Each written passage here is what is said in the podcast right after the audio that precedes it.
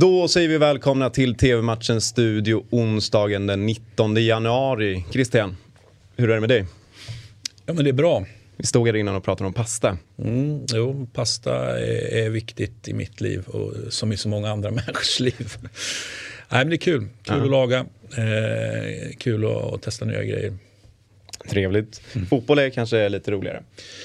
Ja, men vi säger så här, de, de, för mig går de ihop väldigt mycket. Köket ligger där med matlagning och sen så finns det någonstans i närheten ett, ett rum där man tittar på fotboll. Och det är inte så att jag sitter och nödvändigtvis tittar 90 minuter utan jag går fram och tillbaka. Det ska också vara på som en stämningshöjare. Ja men absolut. Så, så, så kan man behöva springa ut ifrån köket när det då händer någonting. Så, så att, eh, för mig hör matlagning och eh, fotbollstittande liksom intimt samman.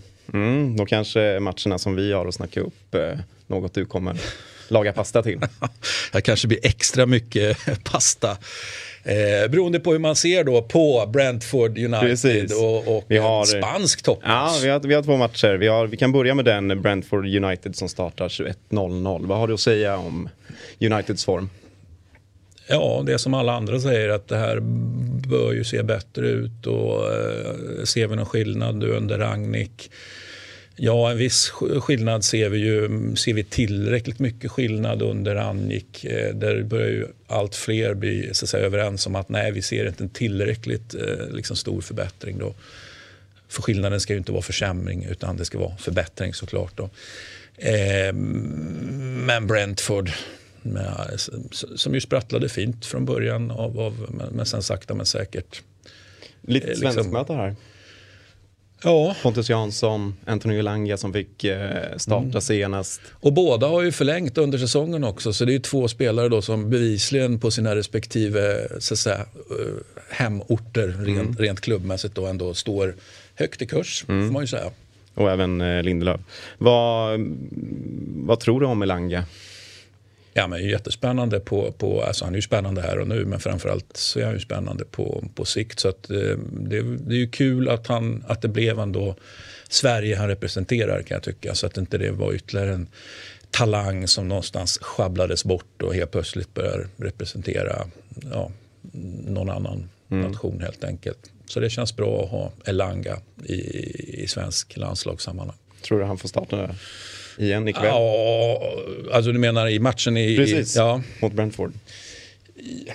Ja, oklart. Han får säkert speltid då, men, men eh, vi får väl se.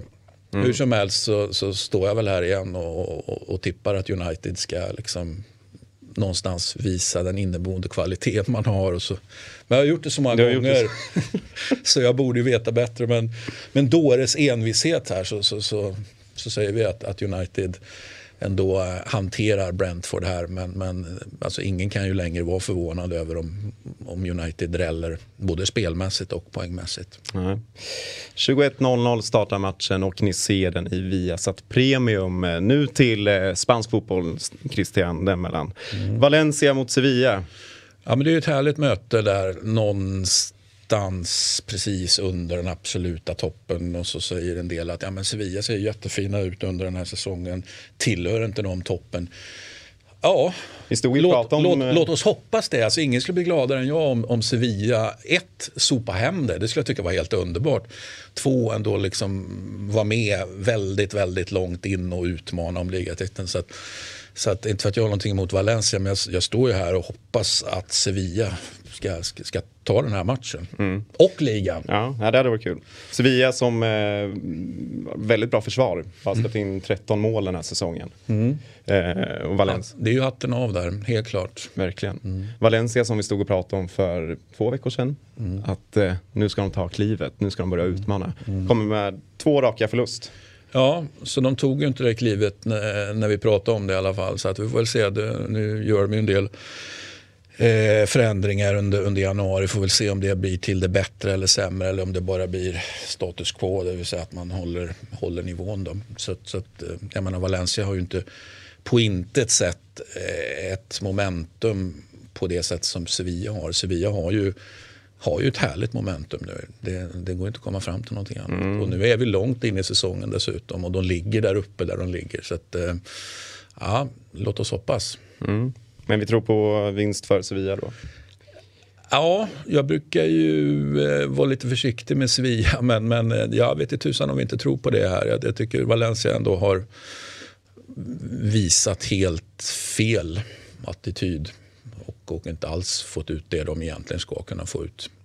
Så att eh, vi säger Sevilla här ikväll. Mm.